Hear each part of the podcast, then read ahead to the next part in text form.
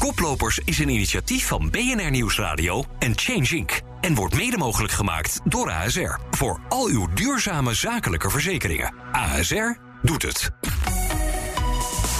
BNR Nieuwsradio. Koplopers. Liesbeth Staats en Werner Schouten. Je luistert naar Koplopers, een programma over innovaties voor een duurzame en toekomstbestendige wereld. Gemaakt in samenwerking met Change Inc. Mijn naam is Liesbeth Staats en klimaatexpert Werner Schouten is mijn co-host. In Koplopers gaan we op zoek naar echte oplossingen voor de duurzame uitdagingen van nu. Met vandaag de betekenis-economie. Wen maar aan dat begrip, want het gaat erover hoe je als ondernemer betekenisvol opereert en meer positieve impact maakt op je omgeving. Maar gezien alles wat er nu op ons afkomt, is er wellicht wat onzekerheid. Eén ding is volgens jou wel zeker. We lopen tegen de grenzen van onze groei aan. Ik zou denken dat de meeste bedrijven, dan praat je wel over de grote corporates, die hebben dit als topprioriteit. Hè? Verduurzaming, sustainability, voldoen aan ESG, reporting in die zin. Maar het lukt niet iedereen. We zien het heel erg kaal en leeg worden, letterlijk leeg worden. Niet met mensen, maar wel heel veel met, eh, met, eh, met minder plantjes, uh, interessante plantjes en minder beestjes. Sta open voor wat het landschap jou geeft, wat daar voor mogelijkheden voor zijn.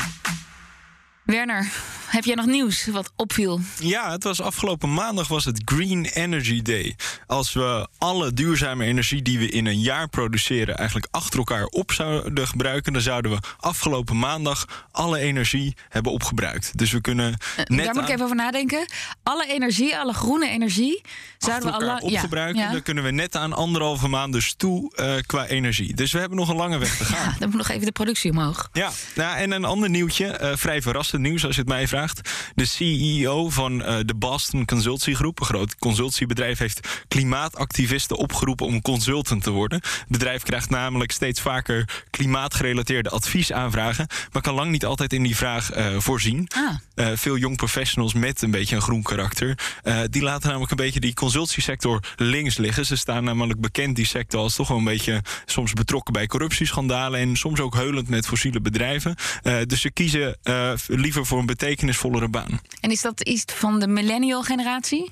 Nou, het is wel eh, steeds vaker een trend dat eh, bedrijven het moeilijker vinden als ze niet heel duurzaam zijn om ook ehm, Ja. goede talenten aan te trekken. Maar dan moet die eh, Boston Consultancy Groep misschien zelf groener worden. Dan komen ze vanzelf. Ja, maar ja, de gas- en oliebedrijven wilden ze nog niet afstoten uit hun klantenbestand.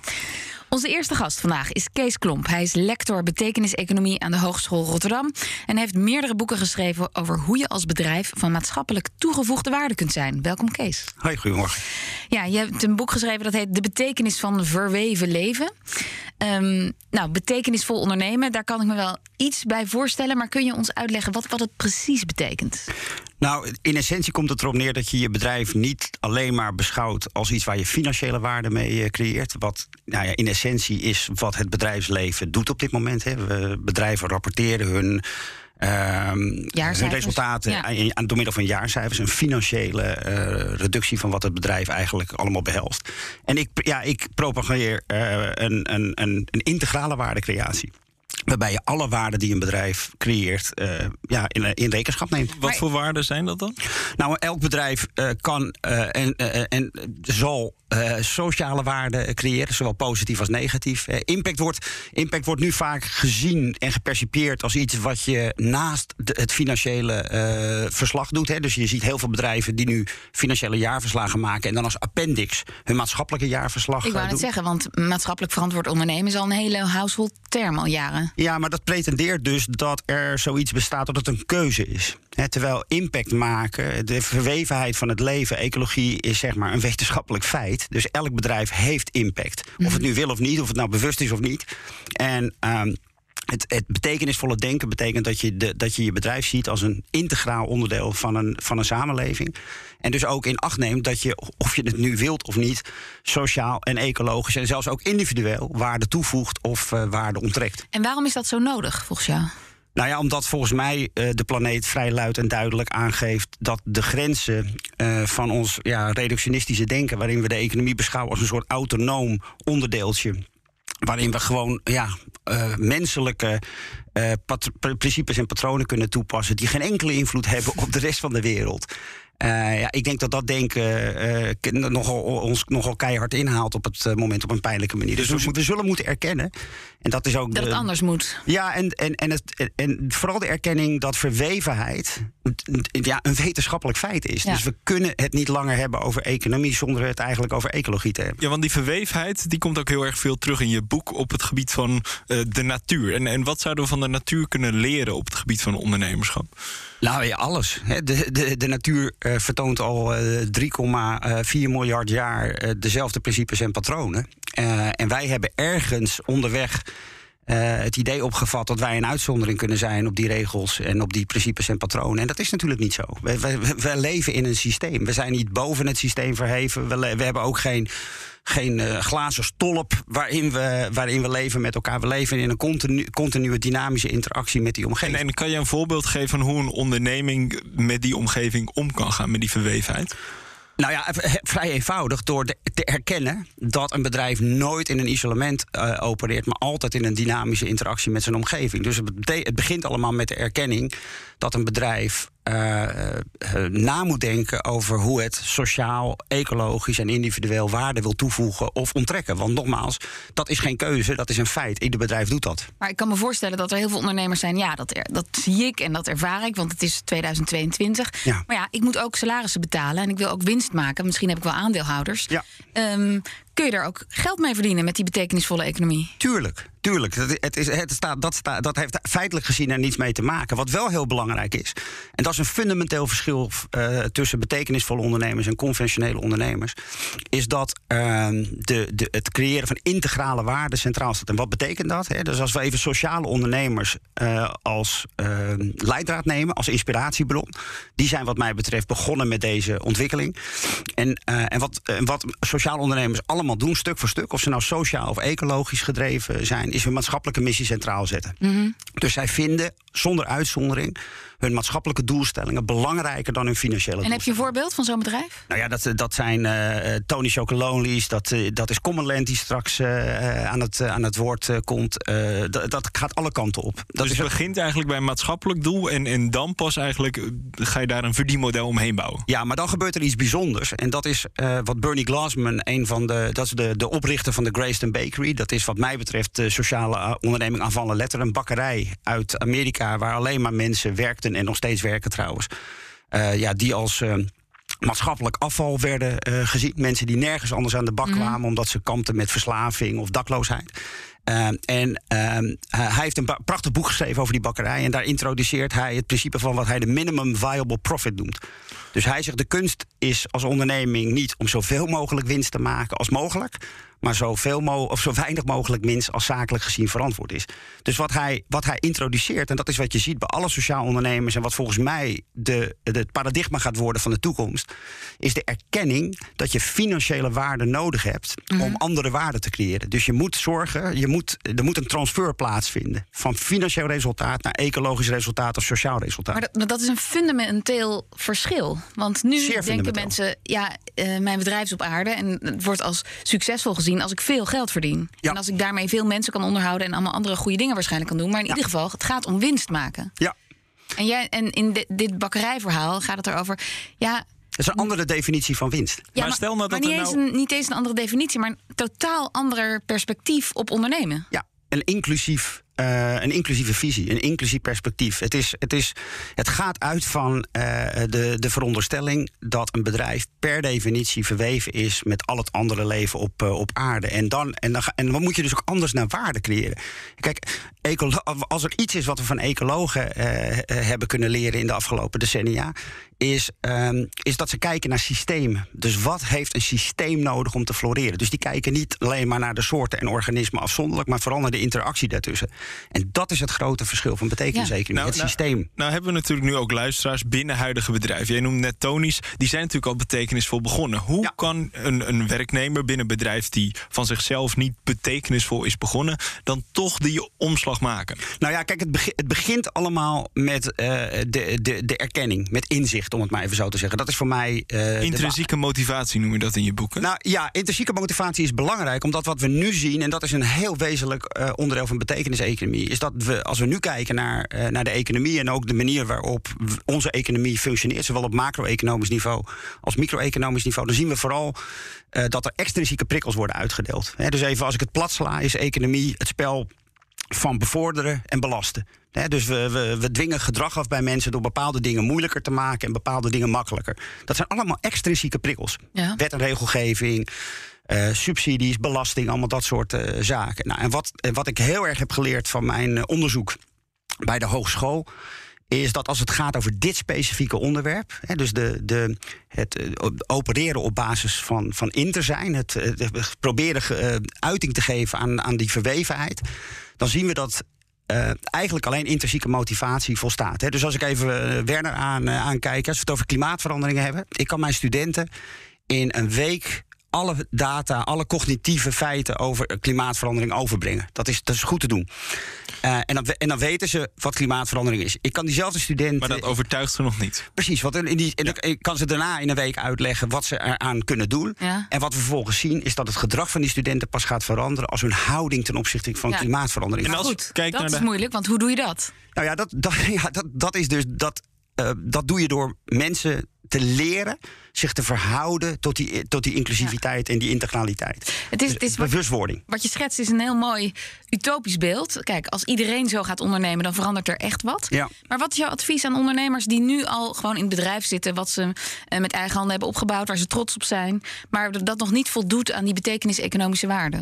Nou ja, vooral door, eh, door de moed op te brengen, het lef op te brengen om eh, te doen wat bijvoorbeeld Willem Verwerda heeft gedaan van, van Common Land, om je eigen taal te gaan creëren en uit te, te drukken. Het is, het is goed om te beseffen dat die financiële taal die wij met elkaar hebben gecreëerd, waarbij waarde en prijs één en hetzelfde zijn geworden, dat is een keuze die we hebben gemaakt. Dat is een narratief. Ja. En dat is geen natuurwet. Hè? Dus op het moment dat een ondernemer besluit, zoals Bernie Glassman dat ooit heeft gedaan, om te zeggen: ik definieer succes anders en ik ga het ook anders uitdrukken, dan is per definitie het waardeparadigma veranderd. Dankjewel. Kees Klomp, lector betekenis-economie aan de Hogeschool van Rotterdam. Ja, Kees beschouwt dus de economie echt als een sociale wetenschap. hè. Het begint met intrinsieke motivatie, voelen en dan pas informatie vergaren en echt handelen. Ja. En dat is, ja, ik heb geen enkele econoom eerder er zo over de economie horen praten. Nee, en als je zijn redenering doortrekt, betekent dat ook dat de hele studie-economie aan hogescholen en universiteiten anders ingericht moet Het worden. moet volledig verbreed worden. Onze volgende gast is Willem Verwerda. In 2016 veroverde hij de eerste plek van de Trouw Duurzame 100. En sindsdien strijdt hij onverminderd door voor een betere wereld. Met zijn organisatie Common Land doet hij aan landschapsherstel. En dat is meer dan alleen bomen planten. Welkom Willem. Dankjewel. Je hebt net eh, meegeluisterd mm, naar ons gesprek met Kees Klomp over betekenisvol ondernemen en de betekeniseconomie. Wat vind jij van dat gegeven? Ja, ik denk dat het essentieel is in ons werk, in ieder geval zeker. Eh, maar ik denk eigenlijk voor iedereen. Ik denk dat eh, betekenis of zingeving aan je leven geven, of je dat nou doet als ondernemer of als eh, mens, zeg maar, dat het gewoon een noodzaak is om iets moois te kunnen doen. En- Dus ik herken me daarin en wij gebruiken dat ook heel erg in ons model. Ja, want jij bent CEO van Common Land. Wat, wat doen jullie als Common Land precies? Ja, wij zijn. eh, nou, ik heb Commonland opgericht eh, in 2013 om. Ik kwam uit die natuurbeschermingswereld internationaal. En ik zag al die ellende langskomen. En ik dacht, ja, eh, natuurbescherming is hartstikke belangrijk. Dat is eigenlijk de basis van ons bestaan. Maar om daar een. je moet eigenlijk vanuit een grotere visie een landschap bekijken. Waar natuurbescherming een plek in heeft. En waar ondernemerschap en gebruik van dat land op een duurzame manier moet plaatsvinden in dat systeem. En daarvoor. Ja, eigenlijk bestond er zoiets niet. En hebben we gewoon besloten om daar een soort model van te maken. Omdat de complexiteit van dit gegeven zo eh, enorm is. Dat eh, je zou kunnen zeggen, eh, investeerders, maar ook financiers en boeren dat gewoon niet meer begrepen. Ja, ik, ik hang aan je lippen. Wat, wat is die grotere visie van het kijken naar ons landschap? Nou, kijk, uh, je zou heel sa kort samengevat zou je kunnen zeggen dat het huidige businessmodel wereldwijd is maximalisatie van winst per hectare. Ja. En dat leidt tot efficiëntie en dat leidt tot verlies van biodiversiteit. En biodiversiteit is de veerkracht van ons bestaan, veerkracht van, een, ja, van de samenleving. Het, het brengt ons allemaal te, samen. Hè. We noemen dat dan ook wel het, uh, het life support system. En als je die uh, biodiversiteit laat naar beneden gaan ja, dan uiteindelijk heb je ook geen uh, uh, winst meer uit het landschap. Mm -hmm. En gaan de risico's dus enorm omhoog. Voor mensen, voor ondernemers, voor investeerders, voor overheden. Ja, dus dat kan niet meer door. Inderdaad. Dat kan niet meer door. Dus als je uitgaat van maximalisatie van winst per hectare, dat leidt tot degradatie op ecologisch vlak, maar dus ook uiteindelijk op sociaal vlak en investeerdersvlak. Dan moet je gaan naar een taal wat maximalisatie van vier returns per landschap is. Vier land, returns? Vier returns. Ja, en dat landschap is groot. Ja. En de returns zijn allereerst inspiratie, het terugbrengen van de zingeving. Het tweede is het terugbrengen van het sociaal kapitaal, dus gemeenschapszin. Het derde is biodiversiteit. En het vierde is dan financieel duurzaam of duurzaam financieel rendement. Echt die integrale waarde die Kees dus net ook benoemde. Ja, en dan in een landschap. Dus dan moet je denken aan een groot gebied. Zo groot als een Nederlandse provincie. Dus uh, 100.000 hectare en groter. Want dan gaat die ecologie voor je werken in plaats van tegen je, zou je kunnen zeggen. En, en je hebt bijvoorbeeld in, in, in Spanje uh, zo'n ja, natuurrestauratieproject gedaan. Hoe zag nou, de toepassing niet, van dat model ja. daar eruit? Nou, we zijn gewoon nog bezig, hè? want je moet denken in decennia. Dus we zijn begonnen in 2014 in Spanje. We hebben, we hebben daar een team bij elkaar gebracht. Het gebied is uh, ongeveer een kwart zo groot als Nederland. Het ligt tussen Granada en Murcia. Het is droog, het is een crisis, klimaatsverandering, ellende. Productiviteit gaat Jullie beneden, waren hard nodig. naar beneden. Ja, we zijn met die boeren gaan praten en met die ondernemers. En we hebben dat model uitgelegd. En ze zeiden, wij gaan ervoor. Ga je ons helpen? En daar zijn we gewoon nu nog steeds mee bezig. En we denken nog wel 20 jaar, 30 jaar door te gaan. En, en wat, wat zie je al daar op je ziet, gebied? uh, nou, je ziet allereerst dat er meer dan 400 boeren en ondernemers, burgemeesters en nationale parkorganisaties zijn samengekomen. Tweede is dat er nieuwe bedrijvigheid is gekomen. Dus regeneratieve, natuurherstellende landbouw. Mm Mhm. -hmm. Dat ze ook zijn gaan denken in het bij elkaar brengen van natuurgebieden met corridors. Ja. En dat die burgemeesters eigenlijk uh, heel erg na zijn gaan denken: hoe krijg ik weer mensen in mijn gebied? Want het liep leeg, al jaren. Het grote probleem is leegloop daar. Dus er is een hele nieuwe dynamiek ontstaan. En die taal zijn ze overal aan het neerzetten. Dus die taal, die je ook kan meten, hè, er zitten KPI's onder, is eigenlijk een heel nieuwe vorm geworden van, de, ja, van een economisch model wat herstellend is. En hoe heb je investeerders hierachter gekregen? Want die zijn toch wel nou, de uitdragers van het rendementsdenken... wat juist moet worden afgebroken. Ja, nou, je hebt natuurlijk investeerders en investeerders. Hè, dus de, de usual investeerders die zijn er nog niet. Want dit vergt een totale omdenk, manier van omdenken. Dus lange termijn, het gaat niet snel. Die bomen groeien echt heel langzaam daar. Het is een hele kort groeiseizoen. En, en ook de, de grond is niet goed, die moet je opbouwen. Dus het is gewoon Dus allemaal tijd. Dus we, hebben een, we hebben dus ook dat model voor returns. Vier returns wordt geleverd door een zoneringsaanpak. Drie zones in dat landschap. Met een minimale tijdsduur van 20 jaar. En uh, dan moet je dus mensen vinden die daar geloven. Ja. En dat is gelukt. En steeds meer. En kijk, nu heb je het over een groot gebied in Spanje. Mhm. Maar kijk, als ik als ondernemer een eigen bedrijf heb, ik noem maar even in printers of in cartridges, uh, hoe kan ik dan bijdragen aan zo'n idee van common land? Van, van, van Ja. onderdeel worden van de biodiversiteit en Nou, die stimuleren. Dat is natuurlijk lastig. Hè? Kijk, eh, wij zijn begonnen met ondernemers die zitten in het vak water, agro, productiviteit van, van, van vezels, voedsel. Ja, daar begin je mee. Mijnbouw is op het gegeven komt natuurlijk ook. Dus, dus bedrijven die aan het land gebonden zijn. Precies, die echt met hun handen Eh, in het land ja, zitten. Ja, dus dat, daar begin je mee. Maar uiteindelijk zie je dat eh, die ondernemers in dat gebied in Spanje... eh, dat, er, dat, dat die beweging die ontstaat, dat ook andere ondernemers gaan meehaken. In eerste instantie natuurlijk de, de restauranten, de gastronomie, die beweging gaat mee. En de vervolgstap is eh, dat er nu ook al eh, Ja. een busonderneming bijvoorbeeld lid is geworden van ons partnership daar. Dus, Dus dat is die- de die- die- inspiratie die zijn werk doet? het is het geloof dat je weer een gebied mooi kan maken. En dat daar tools voor zijn om dat te doen. En dat je weet, want het is gewoon geen bullshit, dat dat tijd kost. Hè, er zit wetenschap achter. En eh, mensen zien dat, mensen zijn niet gek. En die buschauffeur die je net noemt, of die busonderneming, wat is, wat is hun rol dan? Ze- kijk, hun drive is dat er meer mensen weer in het gebied komen. Uiteindelijk ook bijvoorbeeld toeristen die er nu helemaal niet komen. Dus zeggen ze ja, eh, hotelondernemingen doen mee. Eh, een busonderneming doet mee. eh, want ze zien dat dat de manier is om eh, ja, die hele beweging verder te ondersteunen. Ja, en wat moet er volgens jou nog gebeuren? Laten we het even bij Nederland houden. Ja. Om ondernemers nog meer het belang van hun omgeving te laten inzien. Nou, wat je. Kijk, als je het bij, bij Nederland houdt, maar ook internationaal, dan zie je eigenlijk dat het onderwerp ecologie helemaal verdwenen is uit het onderwijs. Ik ben zelf ecoloog van huis uit. Eh, dus de Chief Ecosystem Officer, de CEO, dat, dat, zou je, dat ben Ja. ik dus, die, die bestaat niet. En die is hartstikke hard nodig. Want mensen, en ook mensen in het bedrijfsleven, of nou kleine of grote ondernemingen zijn, maar ook eh, ja, ambtenaar, eigenlijk iedereen. Er is heel weinig meer verbondenheid tussen wat betekent die ecologie nou voor jouw leven, voor jouw voedsel, gezondheid en voor jouw business. Nou, uiteindelijk gaat het gewoon om een return-risicoverhaal. En als je die ecologie niet mee gaat nemen op de lange termijn, gaan jouw risks naar beneden. Jij zegt ook, eh, diversiteit is ontzettend nodig voor, voor veerkracht. Wat, wat bedoel je daarmee? Ja, kijk, er wordt nu heel veel gesproken over diversiteit in bedrijfsleven, in, in organisaties. Hè. Dus, dus des te diverser een team is, des te beter je bestand bent tegen eh, veranderingen. En dat is weer nodig om dat ondernemerschap door te laten lopen. Eh, maar dat is natuurlijk helemaal niet nieuw. Dat komt gewoon uit de natuur. Hè. De natuur is, in de natuur is diversiteit. Biologische diversiteit is eigenlijk de manier om een veerkrachtig systeem eh, te laten overgaan naar een ander veerkrachtig systeem. Ecosysteem heet dat dan in ons jargon. Dus eh, biodiversiteit, zou je kunnen zeggen, eh, de toename van biodiversiteit zorgt op de lange termijn voor meer veerkracht in een gebied. En wat is het risico dan? Als dat Het- gebrek aan diversiteit ontstaat? Ja, als je, als je dus soorten weghaalt in een gebied, heel veel soorten, uiteindelijk klapt dan het systeem om. En kan dat eh, echt desastreuze gevolgen hebben voor landbouw, voor water, ja, voor vasthouden van waterhoudend vermogen, voor koolstofvastlegging. Dus je, je moet naar een balans toe in een groot gebied waarin de biodiversiteit zeg maar zodanig functioneert dat de veerkracht eh, sterk blijft, ook in de veranderende omstandigheden met klimaatsverandering en ja, het optimaal gebruiken van zo'n gebied. En dan gaan de risico's dus omlaag voor investeerders. En die case zijn we aan het maken met een doorbreking van dat returns model voor grote eh, ja, investeerders. Dus veerkracht maakt zelfs ook gewoon business sense. Het is gewoon een return risk analyse, meer niet. Ja.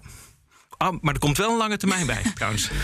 Heel goed, dankjewel. Willem Verberda van Common Land. Weet je waaraan ik moest denken net bij het gesprek met Willem? Nou? Eh, aan de dierentuin Artis. Ah. komt van Artis Natura Magistra. En dat betekent zoveel als ja, de beschaving of de kunsten kijken af van de natuur. De natuur is altijd sterker. Nou ja, dat is eigenlijk een beetje zijn pleidooi. Ja, dat zie je ook terug bij Willem. Hè. In zijn verdienmodel richt hij zich op veerkracht. Eigenlijk iets wat standaard is in de natuur. Maar in ons rendementsdenken is, komt het eigenlijk niet voor. En dat zie je steeds vaker. Je, je hebt ontwikkelingen als regeneratief denken, biomimicry. Allemaal ontwerpen op basis van de natuur. Want die is zoveel slimmer dan wij zijn. Mooie stichtelijke woorden aan het eind van deze uitzending. Dank voor het luisteren naar Koplopers. Je kunt deze en andere uitzendingen terugzoeken via onze BNR-app of bnr.nl. Maar ook op jouw podcastplatform naar keuze. Koplopers is een initiatief van BNR Nieuwsradio en Change Inc. En wordt mede mogelijk gemaakt door Kono Kaasmakers. De lekkerste en eerlijkste kaas. Klimaatneutraal gemaakt in de Beemster.